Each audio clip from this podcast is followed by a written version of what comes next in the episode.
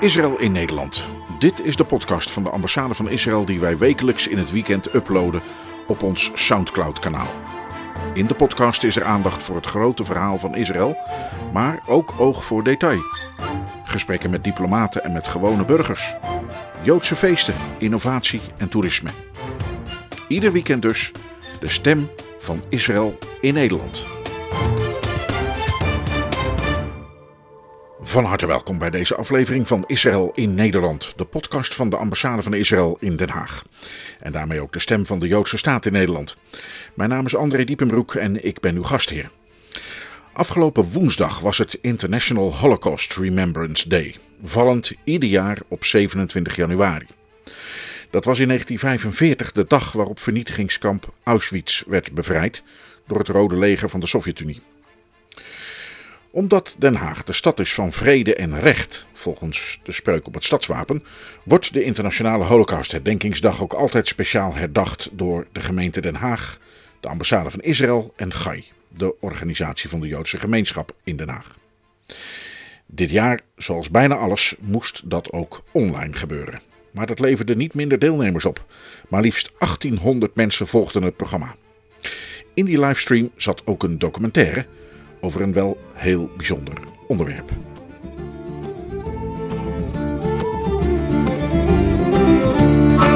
Hoewel u dat misschien niet wist, is er dus altijd een speciale herdenking van de Holocaust in Den Haag. En dat heeft alles te maken met alle internationale gerechtshoven en het Vredespaleis.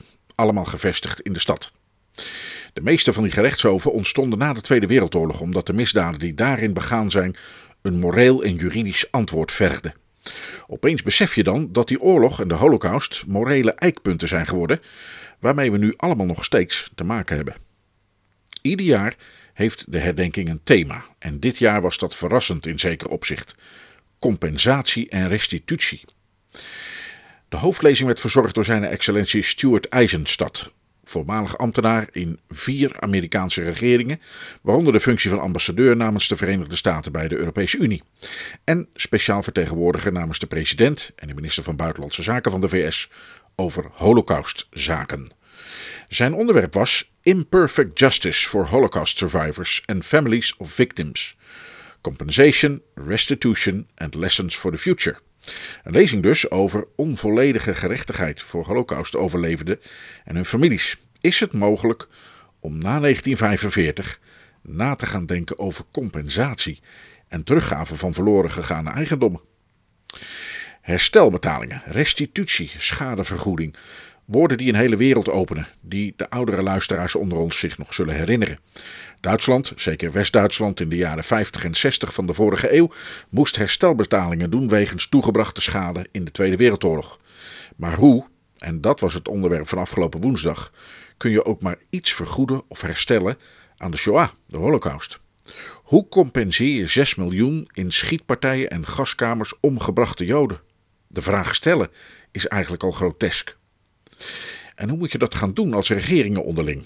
Hoe moeten bijvoorbeeld de regeringen van West-Duitsland en Israël hierover met elkaar in gesprek gaan? Is er nog gesprek mogelijk? Omdat ik hierover met twee Israëlische collega's van de ambassade ga praten, over die ongemakkelijke termen van compensation en restitution, wordt dit een tweetalige uitzending. Met eerst een Engelstalig deel en tenslotte een interview in het Nederlands. Maar maakt u zich geen zorgen, ik garandeer u dat het begrijpelijk Engels is. Geen academisch jargon. Ik neem u mee naar de vergaderzaal van het International Court of Justice. Daar worden wij opgewacht door de president van het Hof, Zijn Excellentie rechter Abdulkawi Yusuf.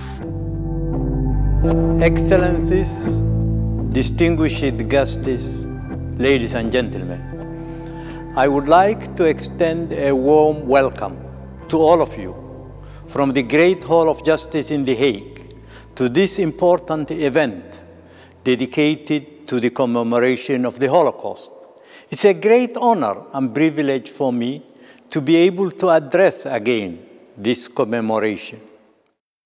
The theme of this year's commemoration is the compensation, reparation, and restitution for victims and survivors of the Holocaust. The question is, however, how does one repair the Holocaust? How can we do whole what can never be undone? Is it really possible to undo the massacres, the persecutions, the deportations, the forced labor, the separation of families?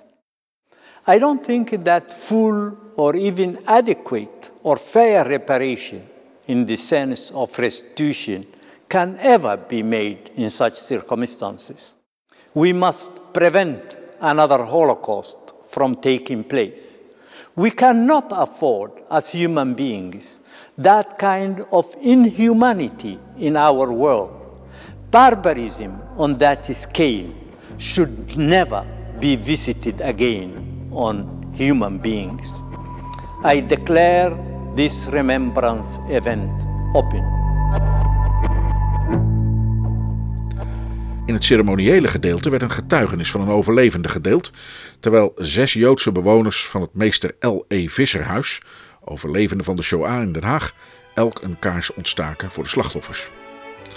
Ambassadeur Naor besloot daarop de herdenking in Den Haag.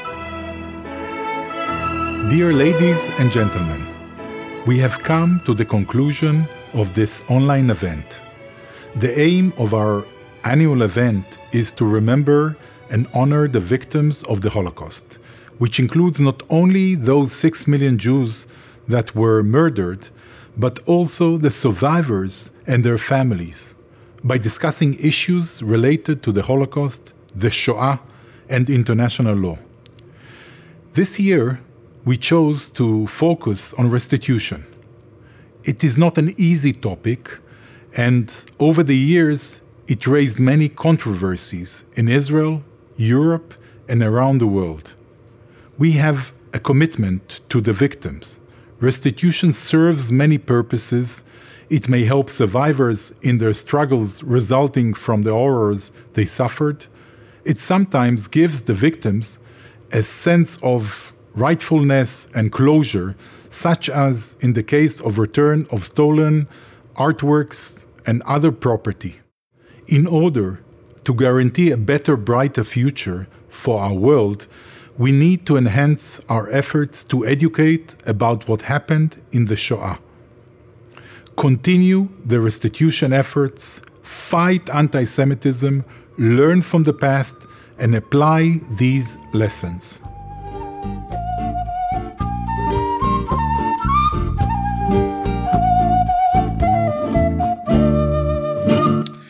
Ja, het ceremonieel tijdens de herdenking. In de livestream zat ook een documentaire verwerkt, een video, die ook te maken had met die onvolledige gerechtigheid van na de oorlog, maar dan vanuit een bijzonder perspectief. In 1952 belanden vertegenwoordigers van de Bondsrepubliek Duitsland en de staat Israël voor het eerst aan dezelfde tafel om over de Shoah te gaan spreken. Ik hoef u niet uit te leggen hoe beladen dat moet zijn geweest. En weet u waar dat gebeurde? In Wassenaar, in een kasteel met Nederland als gastheer. Al deze opmerkelijke vondsten, samen met nog veel meer andere boeiende details over die onderhandelingen, zijn gevonden door twee van mijn collega's van de juridische afdeling van onze ambassade. Juriste Avigail Fries Ben Avraham, zij is onze legal advisor, en haar assistente Mirit Sharabi, onze legal officer. Ik neem u mee naar die bijzondere plek, kasteel Oud-Wassenaar, toen en nu een hotel, hoewel het nu gesloten is wegens de coronapandemie. Daar heb ik afgesproken met Avigail en Mirit. Gaat u mee? Links van mij een, eh, een grote vijver. Dit is Wassenaar, een grote vijver. Prachtige grasvelden eromheen. En een jachthuis, zo wit met uh, zo'n vakwerkhuis. En rechts van mij, wauw, dat is een kasteel. Oud Wassenaar staat er onder een gewichtige klok. Helemaal bovenop. Het is een soort, uh, zo'n timpaan, zo'n driehoekige gevel. Uh, bovenin een klok en daar helemaal bovenop een groot ooievaarsnest. En dat is natuurlijk leeg, want die zijn naar het zonnige zuiden. En onderaan een, uh, een voorname ja, bordes is het met een uh, rode loper erop. En drie Nederlandse vlaggen staan, hangen slap naar beneden. Er is geen wind, gelukkig ook geen regen. Het is heel koud. En er zitten volgens mij twee verkleumde dames uit Israël op mij te wachten op het bordes. En die zijn verdiept in allerlei documenten. Ladies, good afternoon. Are you guys already very cold or is it bearable in some way? It's bearable, definitely. Bearable. In this view, The view is good, right? It's Yeah. it's a pity of the, the lack of sunshine, but yeah. But the lake is very beautiful. the lake is beautiful. Uh, the building is beautiful. Where are we? I mean, it's a castle, Oud Wassenaar, Old Wassenaar, but it's not for no reason. Uh, normally a hotel. It's closed, by the way. It looks really like desolated. It's Supposed to be beautiful, but it was also like the decorum of something very specific in 1952. So now we are going back into history. Avigail, what happened here? So basically, this is the place where uh, the Israeli, German, and uh, an American team representing the Jewish people met in 1952 to discuss the first uh, agreement between Israel and Germany regarding uh, what they call compen- compensation. It wasn't really compensation uh, for the Holocaust, basically. Uh, What what a place! I mean, like we are. Uh, I mean, you drive by here on the N44, Wassenaar, and its big buildings and beautiful houses and everything, but it was the place of something completely different. Yeah, it was the first time uh, an official Israeli delegate met uh, with an official Germany German delegate, and um, it was a very hard conversation to make. I think. I can imagine, you know, like uh, let us imagine like a, a big hall with a with a huge table in the center, and then on one side there are all the Israelis and the other side the Germans. How how would that have been, Avigail? It's probably not easy for any, all, any of them. Uh, basically, the Israeli delegation, at least uh, those who headed it, were from German, uh, uh, Germany originally. They spoke German, uh, which is funny because at the beginning, the the initial plan was to hold the discussions in English, but they ended up speaking in Germany, in German at least. Most uh, we don't know, like, but at least some of the discussions were held in German. Uh, so it probably wasn't very wasn't easy at all, either to Israel, the Israelis and not also for the German team to so painful. I mean, everybody knows what happened. I mean, the slow descent into the the Shoah, the Holocaust, everything that the Germans did to the to the Jewish population in Germany. I mean, and knowing all that, then on a certain day, I don't know what day, but they they sat down, and then it was silent, and somebody said, "Let's start." But then what? Exactly. So uh, it wasn't the 21st of March, 1952. They said, and um, Shinnar, who was the uh, head of the Israeli delegate, uh, reported to the foreign ministry, and he said the official atmosphere is tense and cold. There are no handshakes. Uh, so uh, you really can feel the tension between the two delegates on the first day. As cold as it today here outside. um, 1952. And did the two countries have any official relation at the time? So at the time, uh, the truth is that basically in Israel, Germany was considered an enemy state, uh, similar to what happened at the time also with the the U.S., U.K., France. I think they all considered an, uh, Germany as an enemy state. Um, so there was Germany no- was still occupied. Right. Um, yeah, no diplomatic ties at all at the time. Um, there were probably some, you know, underground, like unofficial discussions going on leading to the um, those meetings, but this was the, really the first time Israeli officials saw it sat side to side and was even like publicly known that they're meeting and discussing. Um, we all know that it wasn't expected well by the public. What happened? I mean, uh, somehow this leaks out into the the, the public. So uh, in Israel, somebody picks up his newspaper in the morning and reads about it, and in Germany, probably the same thing. Then what? So uh, what we know uh, was uh, there were a lot, a lot, of lot of outrage in both places, both in Germany and in Israel, and there were uh, demonstrations and calls not to engage with the Germans, not to ac- accept German man- money. Um, we know if we go like fast forward when the agreement was uh, finalized and was signed, was at least in Israel was approved by a majority of 61 uh, Knesset members. Of the 120, which is like just one over. yeah, uh, it was really like the smallest major- majority you could have. Uh, we also know that hol- like uh, members of parliament of the Knesset that were also Holocaust survivors were giving a choice whether to, to vote at all or uh, or stay away. yeah. You can imagine. I mean, like uh, it's seven years after after the end of the war. I mean, it's so close by. I mean, for us now, it's seventy six years. It's gonna be this year, but for then, it was really like somebody that something that everybody remembered. Right. It was really, I think uh, people really hurting. You had a lot of uh, survivors in Israel.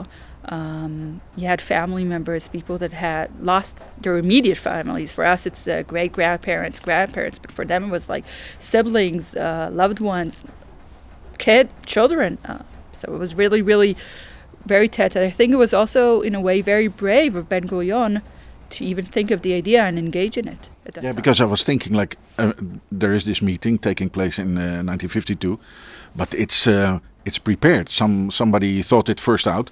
So was that Ben Gurion and Adenauer who, who, who did it, Mirit?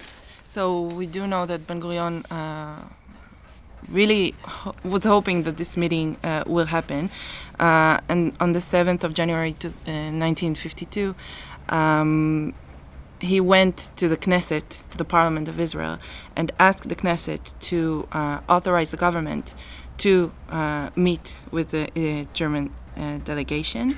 You're smiling a little bit because you and I know how things go, especially the con- controversial things in the Knesset. What happened? I mean, Yeah, was, people like shouting probably. Yeah, it was a very, very hard day uh, for the state of Israel. Um, but Ben Gurion tried to explain that Israel is a young and poor country, uh, receiving hundreds of thousands of, we call it olim, we call it aliyah, people who, who came to Israel to find safe haven.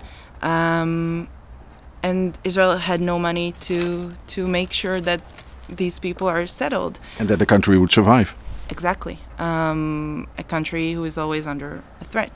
Um, so he thought Israel really needed this commodity uh, from Germany. And he said that this is no way uh, full reparation of what happened. Um, and it is just a way to help Israel uh, go to a better place, get to a better place.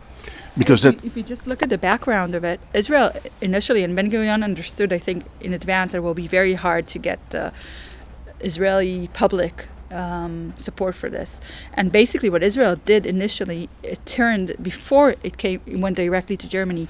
It turned to all four allies from the war and really asked them to help Israel and uh, engage in direct, like that. Israel will be indirect negotiations between Israel and Germany. And um, the Russians didn't answer and the other three allies, uh, the UK, France, and uh, the US, responded and really explained that they, under their agreements with Germany, they're forbidden from engaging in any further uh, compensations or re- request, with, with, uh, monetary requests, and it was really up to Israel. And that was we fa- found records that where you could see that the debate really, once they received this response, that the allies won't be able to help, there was a debate within the Israeli ministries whether to engage in direct negotiation. At the end of the day, was uh, Ben Gurion and also Sharett, who was the foreign minister at the time, who thought that Israel should um, at least try at least to engage directly, and that's how it all came into being. Yeah, but as, as Abigail said, at the end, the Israeli government saw itself obliged uh, to uh, do anything that it can um, to get back the robbed Jewish property. Uh, at least Germany. that. Yeah, at least that, and help Israel to to grow as a country.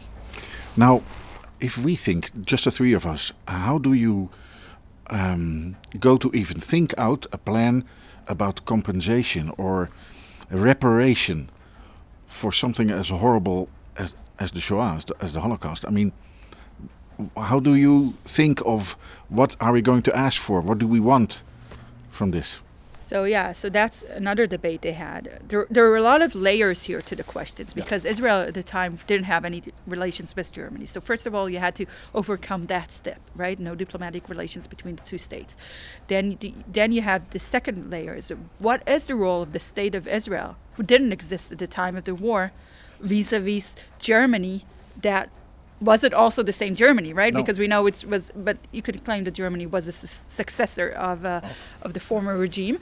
but in Israel it was a newly created state. So that that is another legal question which they had to overcome. And then there is the issue, as you said, of what exactly are we going to ask for?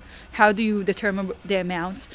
How can you compensate for someone's life? It's like it's still a question we we start with today, right? How do you get?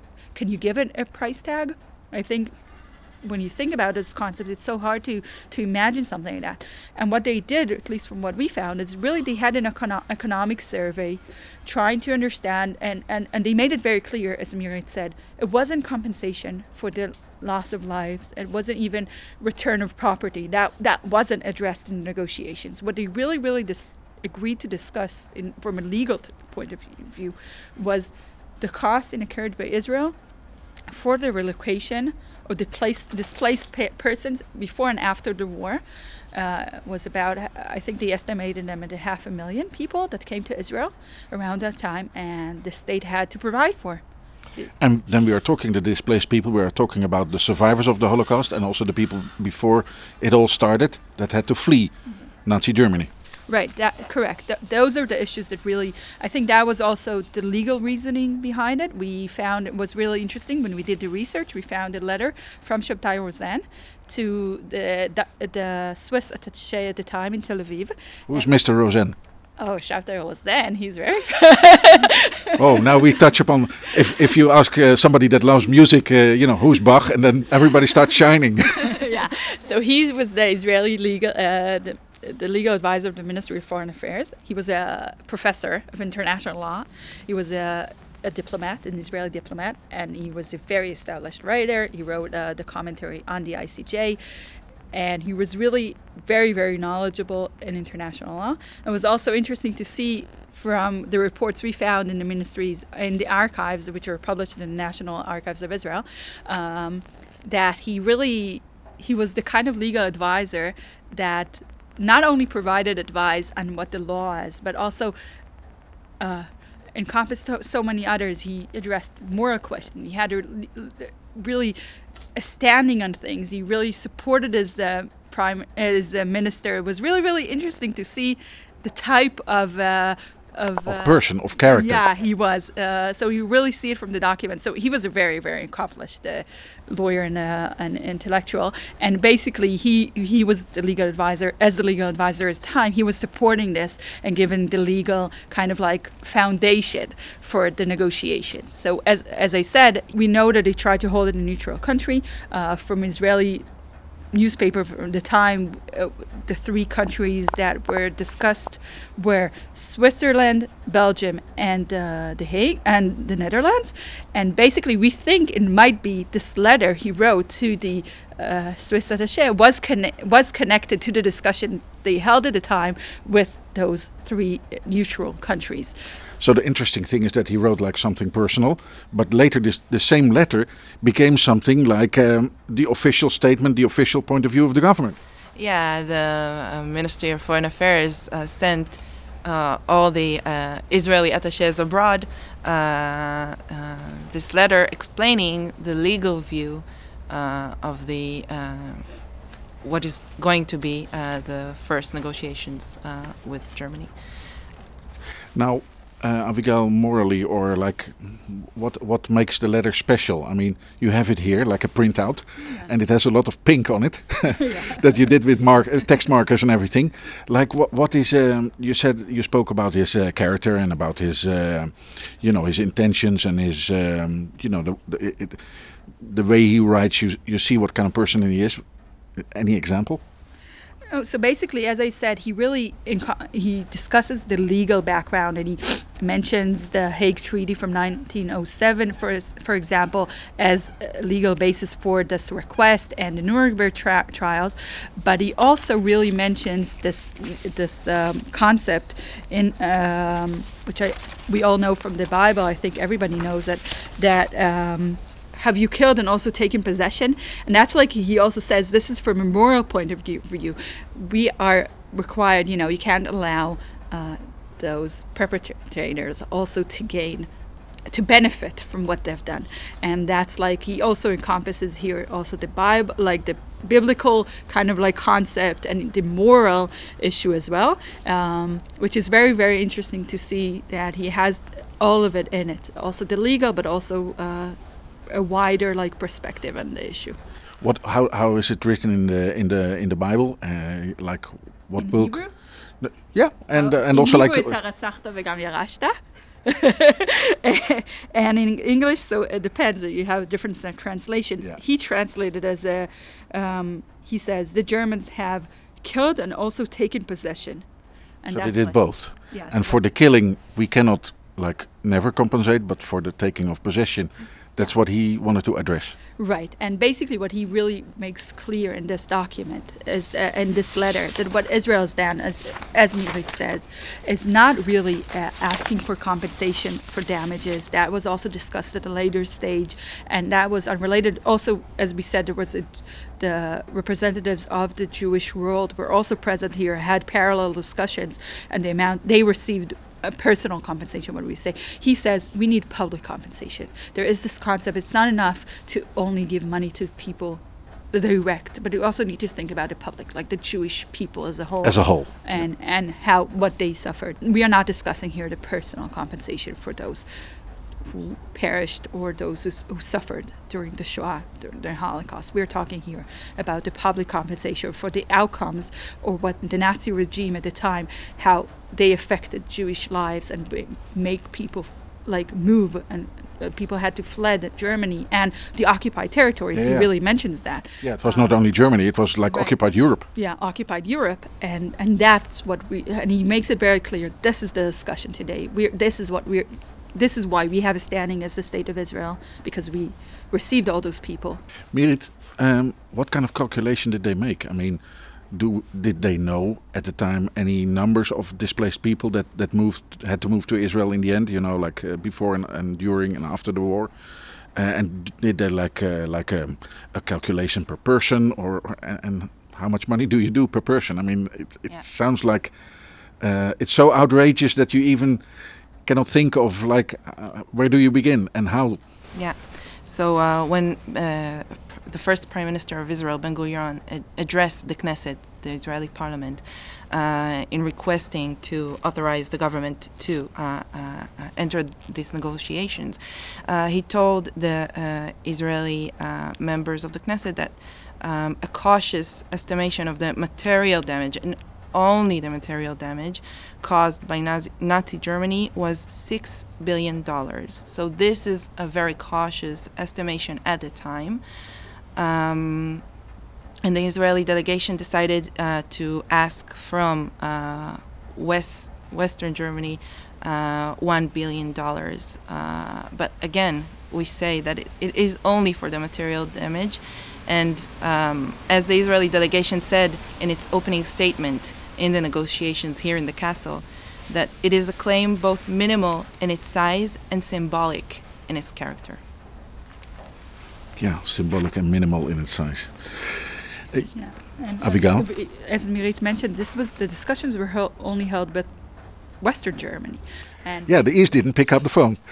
yeah, they didn't. Uh, th- th- they, I don't know if they didn't ha pick up the phone, but they didn't enter into negotiations. And basically, what Israel claimed at the time that the cost of uh, movement of, of people to Israel was about billion and a half, and a billion was attributed to Western Germany, half a billion to Eastern Germany, and that wasn't requested from Western Germany to pay for, and that's why Israel really here asked for only a billion. You both mentioning the castle. Did they? Did they? Uh, then a hotel. It's still a hotel.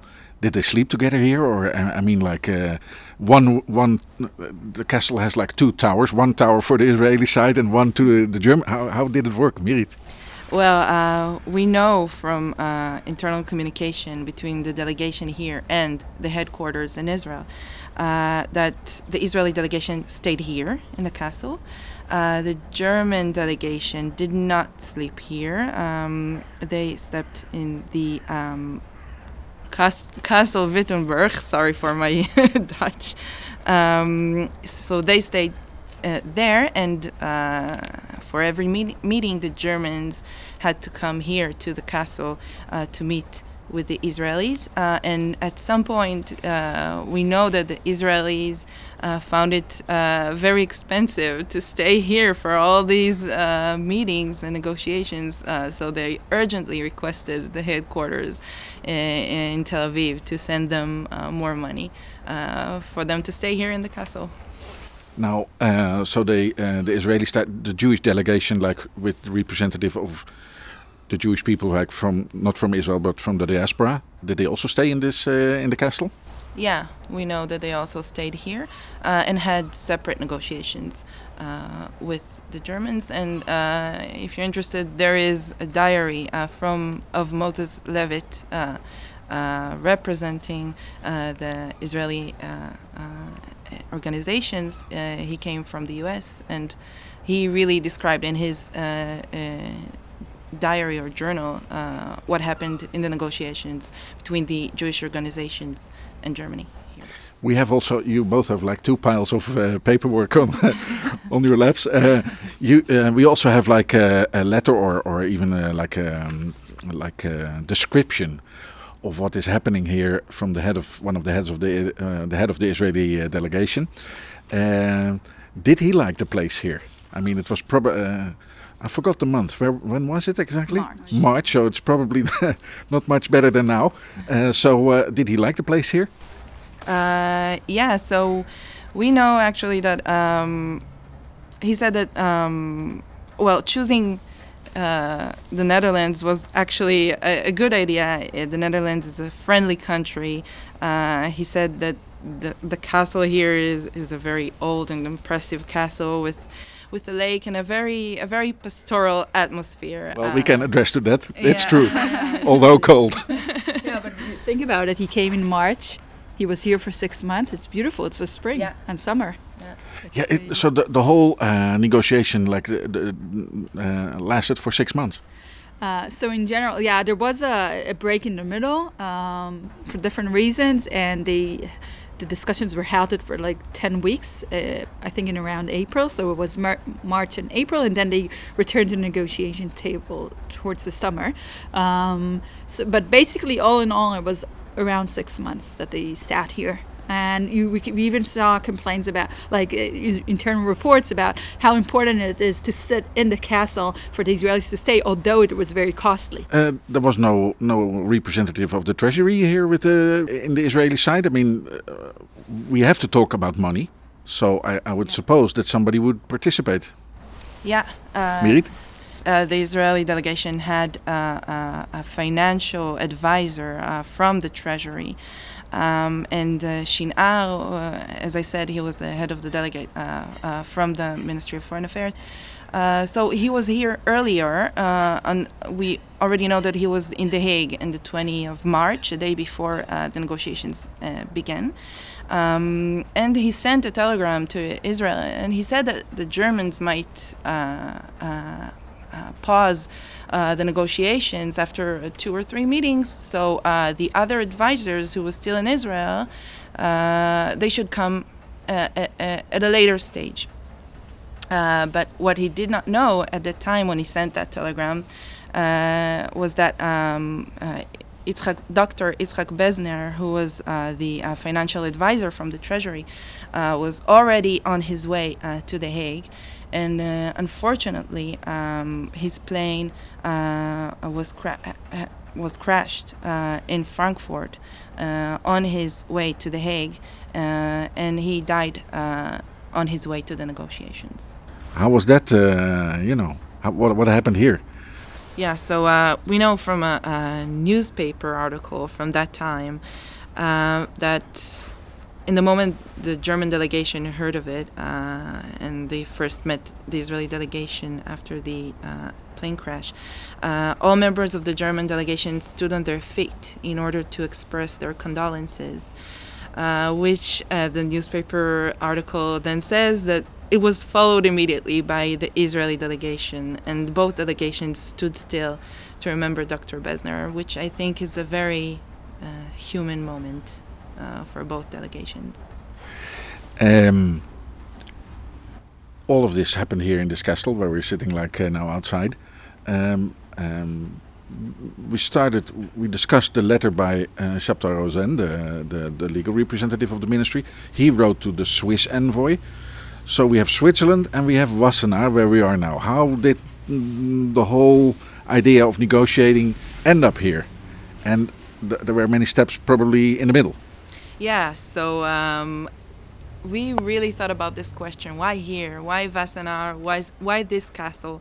Uh, so we searched for an answer uh, in the Israeli uh, uh, National Archives. Um, we know that, um, as an Israeli newspaper called it then, it was a hide and seek game um, because uh, the Israeli um, government really wanted to do it in secrecy. They didn't want to uh, make the place known. Uh, so at the start, it was Why do you think they were afraid of like public outcry or, or you know journalists showing up here yeah. I think that they wanted to meet in quiet? in quiet, yeah, uh, to discuss the matter uh, with no uh, interference. Um, so we know uh, uh, that from the beginning of 1952 and up until the first week of March 1952, it was supposed to happen in Brussels on the 17th of March. Uh, we have a lot of communication regarding this in the ministry, uh, uh, and uh, uh, Belgium had approved it, and uh, we know that they searched for a place in Belgium, and uh, it was supposed to be in the residency. Ah, but Brussels also has nice castles. Of course, uh, it, it was supposed to be in the residency of the Israeli attaché in Brussels. Uh, so everything was set uh, to start on the 17th of March in Brussels. Uh, but something happened. Uh, we are not we, we, we are not sure what, uh, um, but we do know that uh, there is a memo to the foreign ministry mo- foreign minister uh, of Israel um, on the end of February. Uh, 1952 that um, says that the place has to be changed. Uh, we really don't know uh, why, but on the 7th of March 1952, only 10 days before it The start. before the start of the negotiations, uh, the Israeli attaché in Brussels, uh, I, I, I think he was kind of disappointed disappointed to to uh, um, write this uh, uh, telegram to headquarters, but he said that the Netherlands has agreed that the negotiations will be held in its territory. Then we have six months of negotiations, and then uh, probably an agreement is signed. Was that done here? No, the agreement was done in Luxembourg. Um, Well, they know how to how to uh, take their places at the time. yeah. So uh, uh, the uh, Sharett, who was the Minister of Foreign Affairs of Israel, and Adenauer, the Chancellor of Germany, came to Luxembourg to sign the agreement. Uh, we do know that uh, Shabtai Rosenne uh, really felt that Sharett shouldn't go himself uh, to the signing of the treaty, but Sharett really insisted, and he really thought this idea uh, would be best for Israel, as David Ben Gurion thought. Wh- Why didn't? uh, What What was his idea? Who Who should do it? Do we know? Avigail? So I think he wrote, he thought it should be someone less senior. Ah, he okay. thought um, he thought it wasn't um, it was giving too much credit Oh, to yeah. the other side. He thought it might hurt Sharett politically, uh, so he was also pr- protecting him as the legal advisor. Uh, Sharett was very his answer was very firm. He also made sure that his answer was also sent to all Israeli delegations, which is very interesting and. Uh, No discussion. yeah, no, basically he said, you know, you kind of missed the date, I already notified, and was also made public that I'm going to sign, so I'm going to sign. And then he also gave like the reasons behind, and he said we need to stand stand behind this agreement. We need to show how why we think it's important and and a good one for the Israeli society. And I can't let someone else take the burden of like the criticism. I, I'm standing behind this agreement. I'm going, and basically that's what happened. The, one thing that was interesting, though, if we're talking about um, the signing of the agreement itself, uh, Israel kind of notified the Germans in advance that they, the, uh, that Sharett wants to say a free, uh, to give a speech, and there there mentioned uh, Germany's blame and that the fact that it, this is not enough, and additional compensation being given, and Germany opposed. So at the end there were no uh, no uh, speeches at all. Uh, they just signed the agreement and uh, left basically. Um, so it's interesting to see Oh, like yeah. how yeah. How things go then uh, at the time. Um, those are like historical dates. You read about it like then from then till then we negotiated, and this was the outcome. This was how we started it, and then you have all these uh, private notes of people that want to stay in a certain hotel. Somebody uh, dies in a plane crash, and uh, meanwhile, uh, while this is happening, and a telegram was uh, sent to, to, to Israel saying, "Ah, you don't have to come yet." And wow, it's it's really human history. Yeah, it is. Uh, it was. It's also interesting to see that they grew friendlier as the time went on. So it's like six months, and towards the end, you see reports of them sitting together, having lunches, dinners, meeting.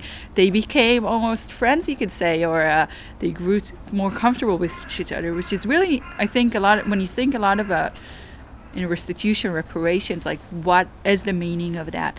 I think if you look at it, I I'm not an expert, I'm not a historian, but maybe that was the first step towards recognition and um, between Israel and Germany. Like that was it. Bec- it started with this. It started with very hard feelings and discussions, and it took a long time for both countries to develop diplomatic relations. It only happened in 1964, eventually. Wow, But, so uh, 12 years only after. yeah, but in the meantime, I think it really helped to kind kind of like overcome or even build new relations or recognize a new Germany. And I think that's very important. And if you think about a concept like in reparations or or uh, restitution, um, you have many reasons for it, right? You need to compensate, as we said, like Shabtai Rosenne said, and it was also in the Israeli delegates' opening remarks. Uh, those who killed should not be, you know, benefit from it. Uh, so that's another reason. But it's also this feeling, the sense of taking responsibility for what you did, and maybe enable a new era uh, or discussion or uh, going forward. So I think that was really, if you look at that about at this place, which is really beautiful, and you think about like what developed afterwards, maybe you could look at it as the first stage to better relations or for recognition and for some somehow overcoming the trauma. And and it's still a trauma for I think both societies. As an Israeli, I can speak the Holocaust is a trauma for Israelis until today. I think also in the Netherlands you can feel it, and in Germany.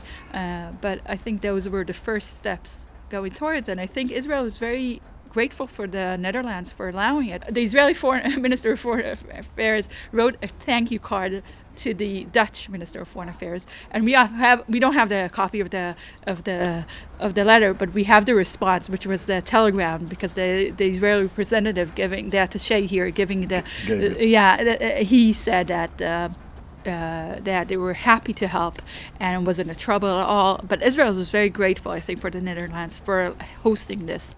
Will it ever end? That it's done, that the Holocaust is like not as a, but in a way that we have to deal with it. I mean, we are still uh, also like last year, the Prime Minister Rutte uh, um, offered apologies for what the, the, the Dutch government did. Then a bit later, the King addressed it. it. It's all also like painful. It's a very painful past for all of us. Then the churches came later on. Now uh, I'm forgetting the the railways that uh, in between also. So I mean, there is so much uh, still going on with all of this um, uh, topic. W- will we ever be done with it? What do you think? So there are two things. I mean, I can I, you can divi- divide the answer into two. First of all, I think if we really want to learn and become better humans, we need to remember the past. And this is really the horrors of the Shoah and the Holocaust really teach us about hatred, about uh, what happened, what ha- the importance of education, um, how how there were they were all people that did it and how like we can all turn maybe we can all turn evil. So i think it's very important to learn learn and remember in order to become better and be- In a way, a better society Never be done with it. right. I think it's very important and that that's the one part of the answer. The second part is if you want to talk about it um, i think we still see the results of it today. I, uh, if you even if you look at the, the event yesterday, we had people. Uh, the, there was a memorial ceremony, uh, candle lightings by six uh, Holocaust survivors who now reside in the old Jewish Hague, age home in The Hague, and uh, so it's not done for like there's still people around us and you know we already know that second and third generations also suffer so really we don't know like i i mean so for some people it's not it's not done. We still find pictures we still found find artifacts are still synagogues that were, uh, are returned to the communities. This is a very long process and will be i, I assume it will remain a long process for a long for many more years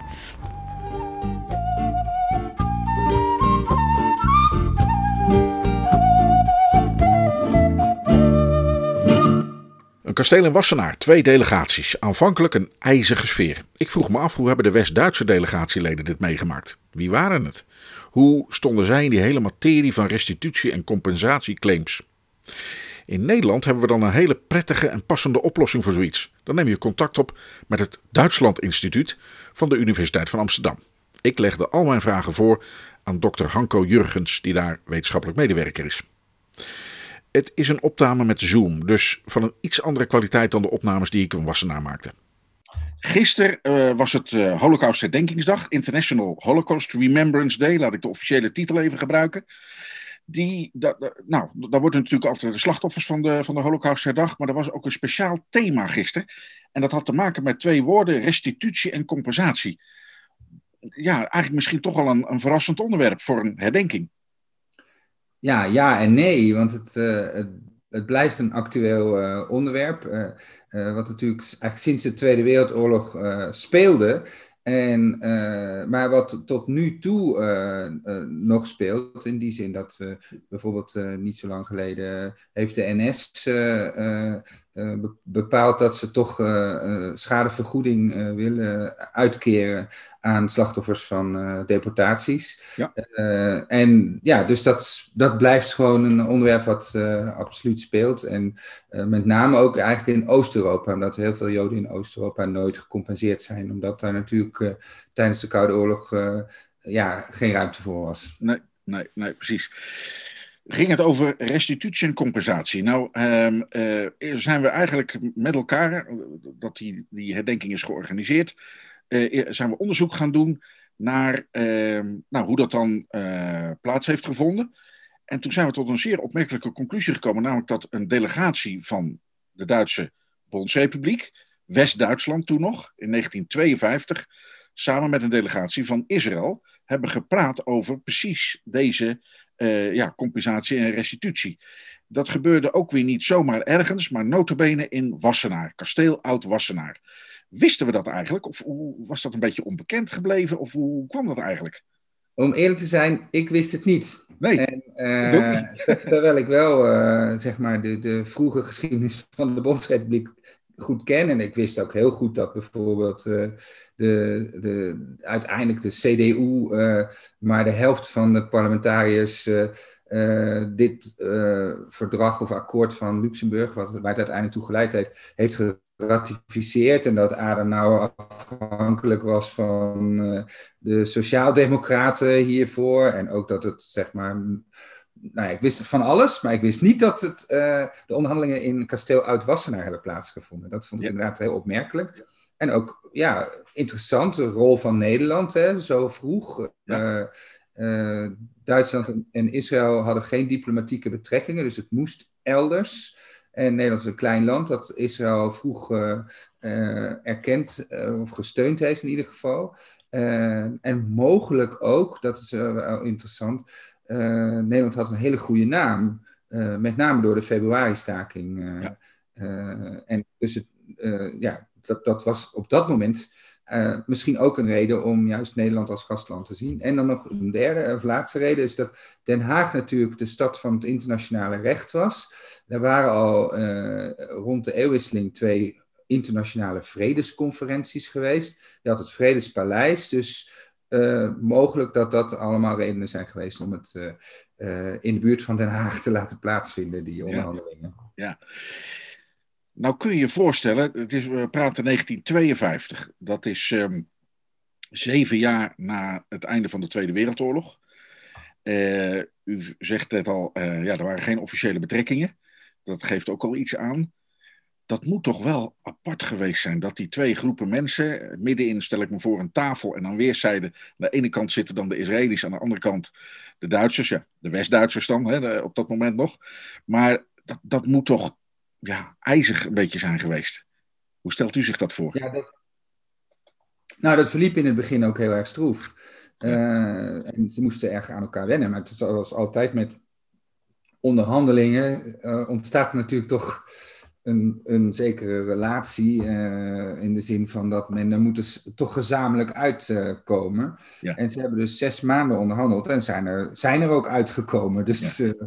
En de, er was overigens ook nog een derde partij, de Jewish Claim Conference.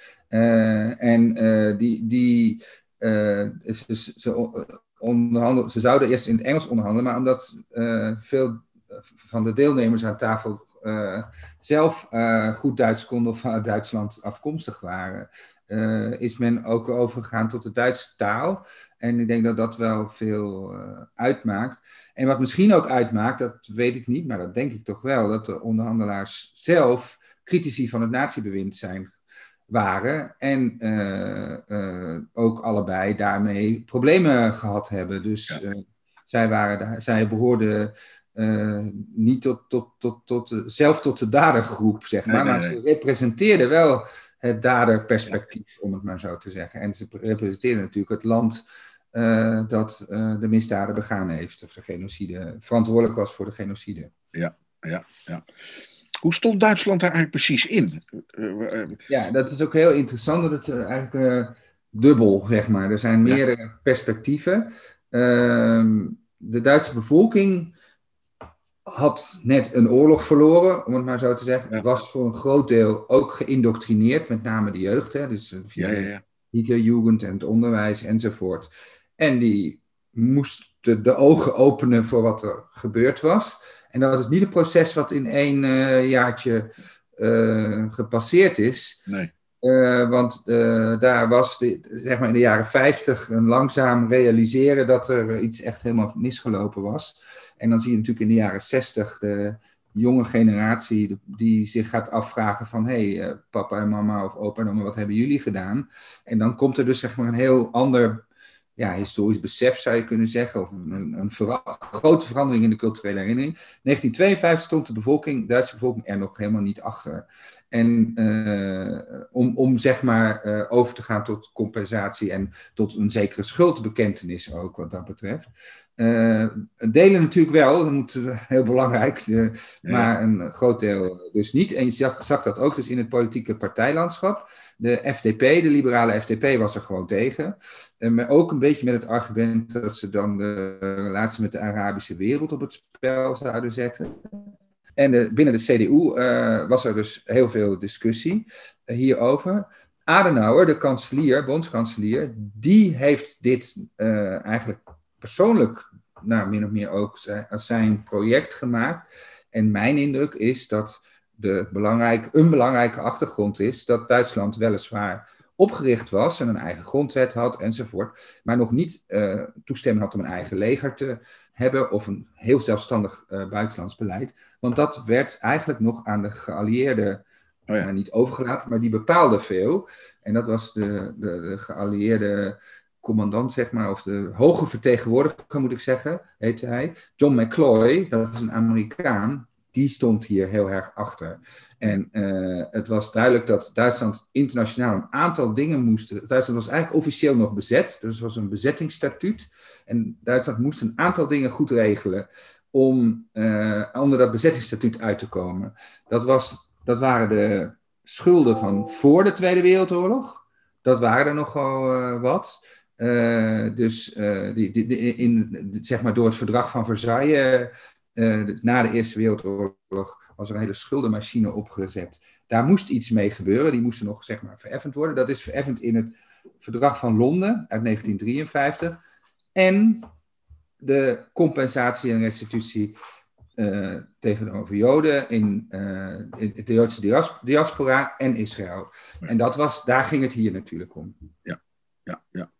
Um, dat was natuurlijk ook wel weer een beetje apart, want wat, uh, uh, het land wat daar aan tafel zat was West-Duitsland, de Bondsrepubliek.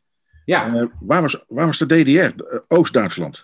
DDR had de visie dat zij een antifascistische staat waren. Dus Ja. zij hebben, de communisten hadden natuurlijk ook gestreden tegen het nationaal socialisme. Waren allemaal voor een groot deel gevlucht of in concentratiekampen terechtgekomen, hadden enorm geleden.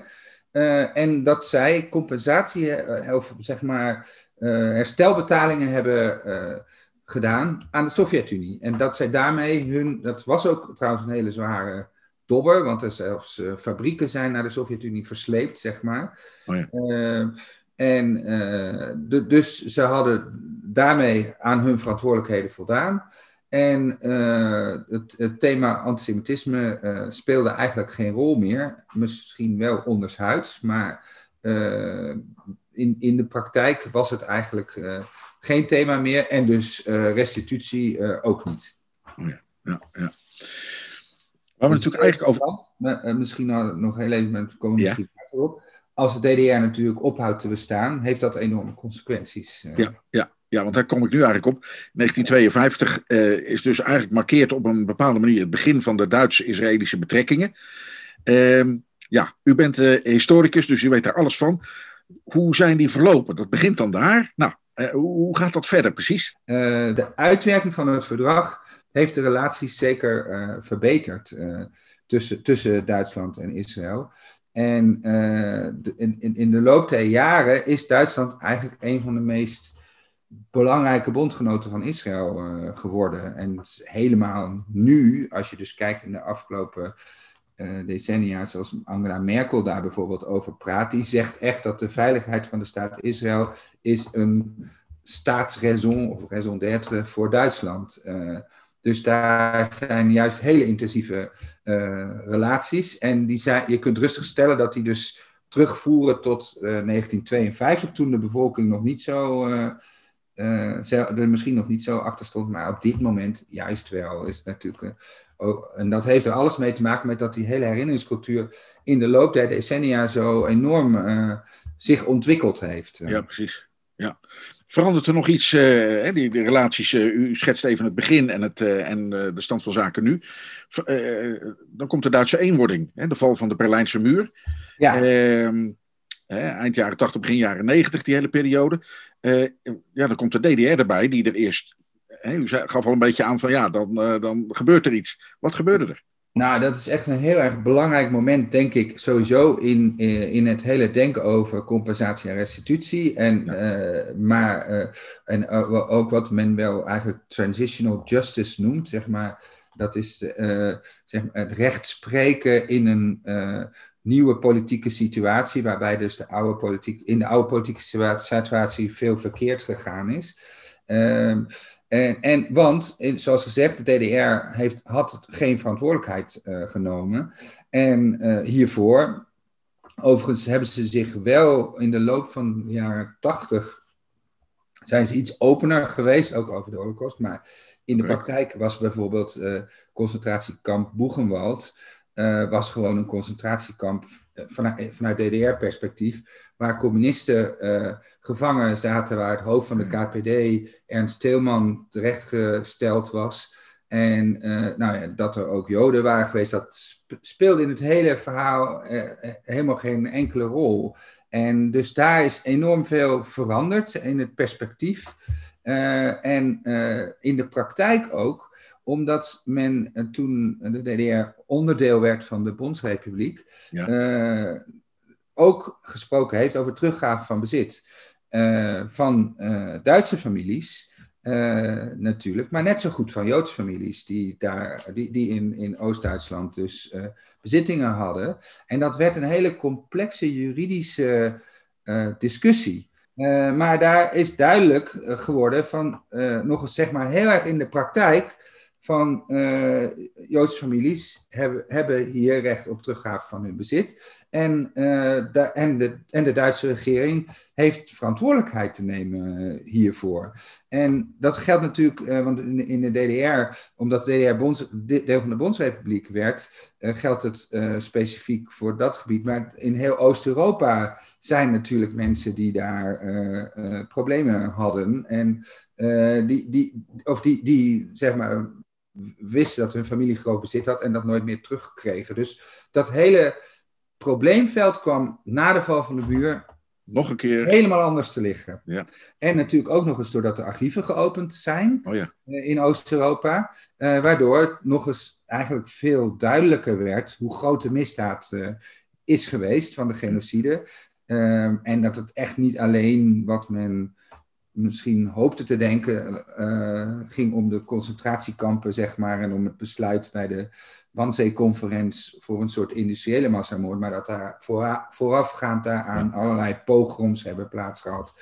en mensen massaal zijn doodgeschoten enzovoort. Dus dat hele beeld van uh, de, de, de, de Holocaust, of de Shoah moet je eigenlijk zeggen, is enorm gekiept na 1989. En ook het denken over compensatie. En het interessante vind ik is dat uh, dat dat ook veel bredere cons consequenties had. Dus we zien in Nederland bijvoorbeeld dat de Nederlandse regering ook is gaan onderzoeken van hey, hoe hebben wij als Nederlanders uh, de Joden na de oorlog uh, ontvangen? Hm, was toch niet zo heel erg goed. En toen heeft premier Kok, nadat er dus een uitgebreid onderzoek geweest is over de ontvangst van Joden in Nederland na de Tweede Wereldoorlog, dat is geresulteerd in dat boek Mailstreep, ja. officieel zijn excuses aangeboden. En ook weer compensatie uh, gegeven in de vorm van de Maror-gelden aan, uh, aan, aan, Joodse slachtoffers in Nederland, zeg maar. Ja. ja. Dus, en, en, en de verbreding zie je bijvoorbeeld ook dat in Duitsland zelf de grote fabrieken Volkswagen, Mercedes enzovoort in 1999 uh, compensatie aan dwangarbeiders hebben gegeven. Dus er is een enorme verandering in de jaren 90. Niet alleen trouwens vanwege het Joodse perspectief, maar ook omdat in Zuid-Afrika natuurlijk de apartheid ophield uh, te bestaan en daar dus de waarheids- en verzoeningscommissies zijn gekomen. Dus dat hele, ja, zeg maar, die denken over transis, uh, transitional justice is toen ja. enorm veranderd. Eigenlijk begonnen, uh, pas goed begonnen en doorgebroken. Precies, ja. Hier, ja, ja, ja. Laatste vraag. Um, kun je kun je iets als de Holocaust, uh, ja, laat ik zeggen, compenseren? Kun je mensen ja, schadeloos stellen of een schadevergoeding bieden? Het is zoiets, nou, laat ik zeggen, zowel grotesk als, uh, als uh, enorms, dat we. Ja, hoe, hoe, moet je dat in vredesnaam doen? Hoe is daar in Duitsland uh, tegenaan gekeken altijd? Ja, nou, daar vind ik eigenlijk, dat is eigenlijk een, een heel belangrijke vraag, want dat gaat dus eigenlijk juist niet om de restitutie en om zeg maar de juridische kant, maar gewoon om het feit dat, dat de erkenning dat, die, uh, dat er zo'n grote massamoord heeft plaatsgehad. En eigenlijk ook de erkenning dat dat niet op een of andere manier meer goed te maken is. Ja. En dat een plaats te geven in de samenleving. En dat is natuurlijk wel iets wat Duitsland ook daar denkt, is de val van de muur een belangrijk moment. Want uh, in Duitsland, ik praat dan toch even vanuit het Duitse perspectief, werd besloten om niet Bonn, maar Berlijn de hoofdstad te maken. En was men zich heel erg bewust van, ja, uh, Berlijn is de stad van waaruit uh, heel veel van dit soort besluiten genomen zijn. Ja. En je ziet natuurlijk op dit moment dat juist Berlijn een stad is waar men zich heel goed rekenschap geeft van uh, wat er fout is gegaan met een toch wel heel indringend Joods museum, vooral het gebouw vind ik heel erg indringend. Dus collectie is vernieuwd, die heb ik nog niet gezien, maar die, daar ben, ben ik eigenlijk, denk ik dat die ook veel beter is dan die was. Uh, en, en, natuurlijk het, uh, het, het, het uh, met daaronder dan de, de, de expositieruimte.